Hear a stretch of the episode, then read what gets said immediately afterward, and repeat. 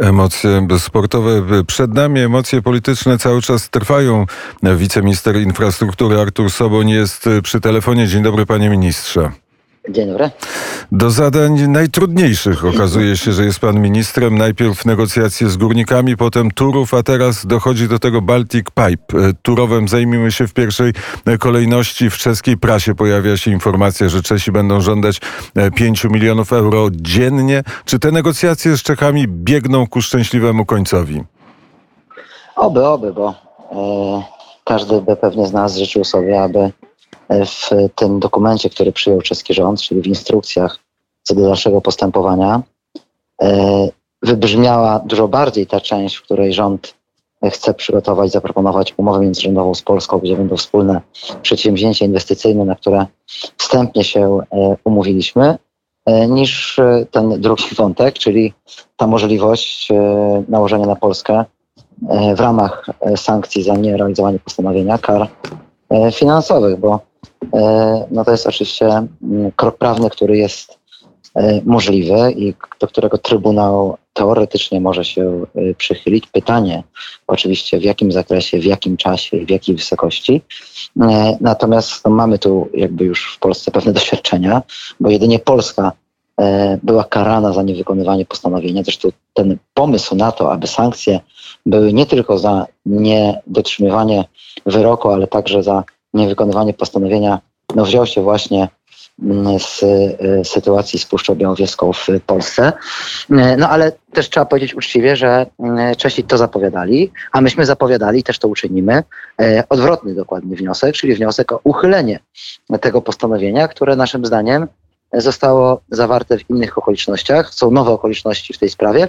Tą nową okolicznością jest choćby to, że powstał już a nie w roku 2023, tak jak to było zapowiadane, e, ekran e, filtrujący, który zabezpiecza, minimalizuje jakiekolwiek teoretycznie ryzyka związane z gospodarką e, wodną i on już funkcjonuje jesienią, będzie miał wszystkie budowlane odbiory. No poza wszystkim oczywiście to jest bezpieczeństwo energetyczne, a także no, zwyczajne, zwyczajne kwestie społeczne.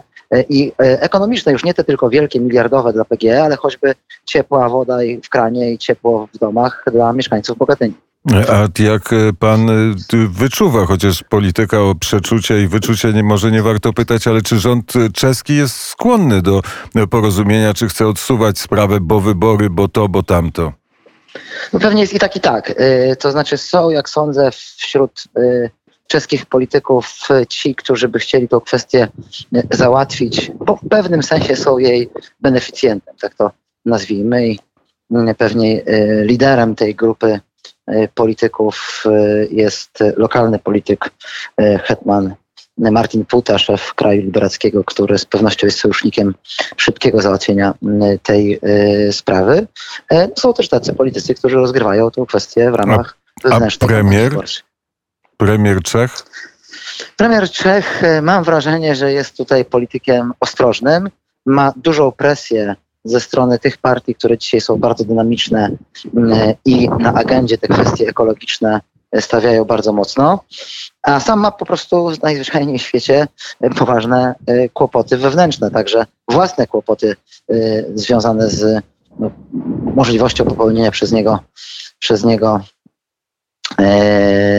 przestępstw, więc, więc e, to jest tak, że e, on zachowuje tutaj pewną, pewną ostrożność. Myślę, że jest sojusznikiem, ale z pewnością na pierwszym miejscu stawia kwestię kwestię przyszłości swojej partii i swoją, swoją własną przyszłość polityczną. A do tego jest biznesmenem, jak sobie policzy 5 milionów euro dziennie w ciągu roku, miliard euro to nie są pieniądze dla Czechów, to tak to już, żeby tam jak, jak będzie liczył, to, to niech liczy, ale to e, nawet gdyby komukolwiek do głowy przyszło, aby uznać, e, że ta kara jest odpowiednia, w co oczywiście nie wierzę, ale no, powiedzmy, że jestem już ostrożny w tym, e, aby cokolwiek wykluczać. Natomiast no, zwyczajnie w to nie wierzę. Natomiast e, no, to oczywiście nie były pieniądze dla Czechów, to żeby było jasne. Pieniądze, które mogłyby być dla Czechów, to te, które byłyby wynikiem naszego wspólnego porozumienia i efektem jego byłoby wycofanie skargi głównej.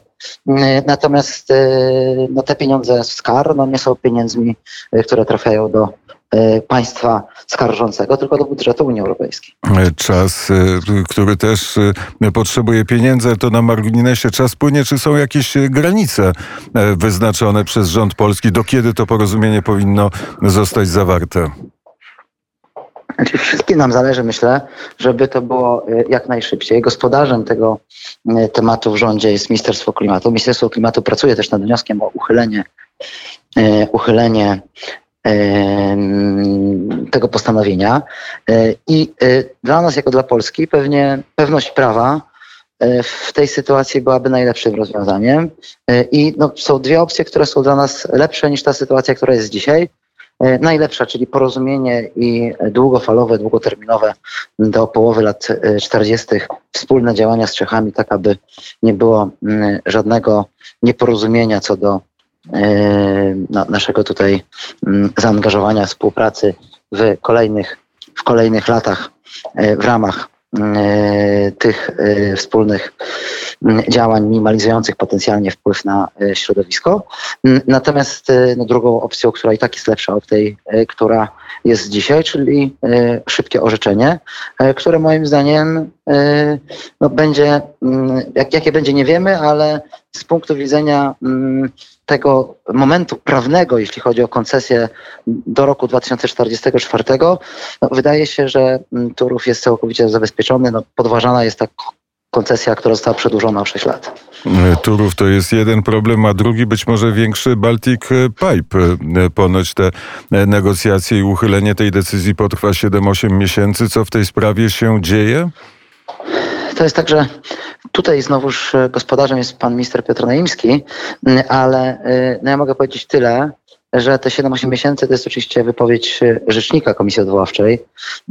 Jak daleko idące są te e, konieczne działania związane z decyzją środowiskową w ramach dyrektywy siedliskowej dla E, lądowej części e, gazociągu w Danii e, analizuje duński operator, no, który jest tam inwestorem, gospodarzem tego tematu i oczywiście tym, który o tą decyzję się starał który tą decyzję uzyskał.